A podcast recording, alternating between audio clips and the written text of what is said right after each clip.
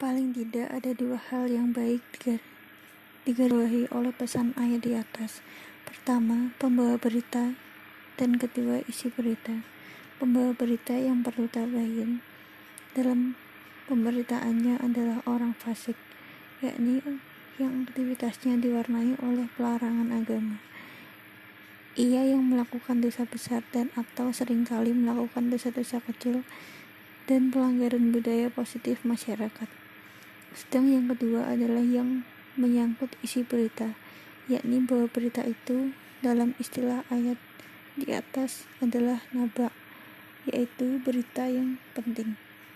Ini karena kalau semua berita yang penting dan tidak penting harus diselidiki kebenarannya, maka akan tersilat banyak sekali waktu untuk itu, dan hasil yang ditemukan pun tidak banyak manfaatnya.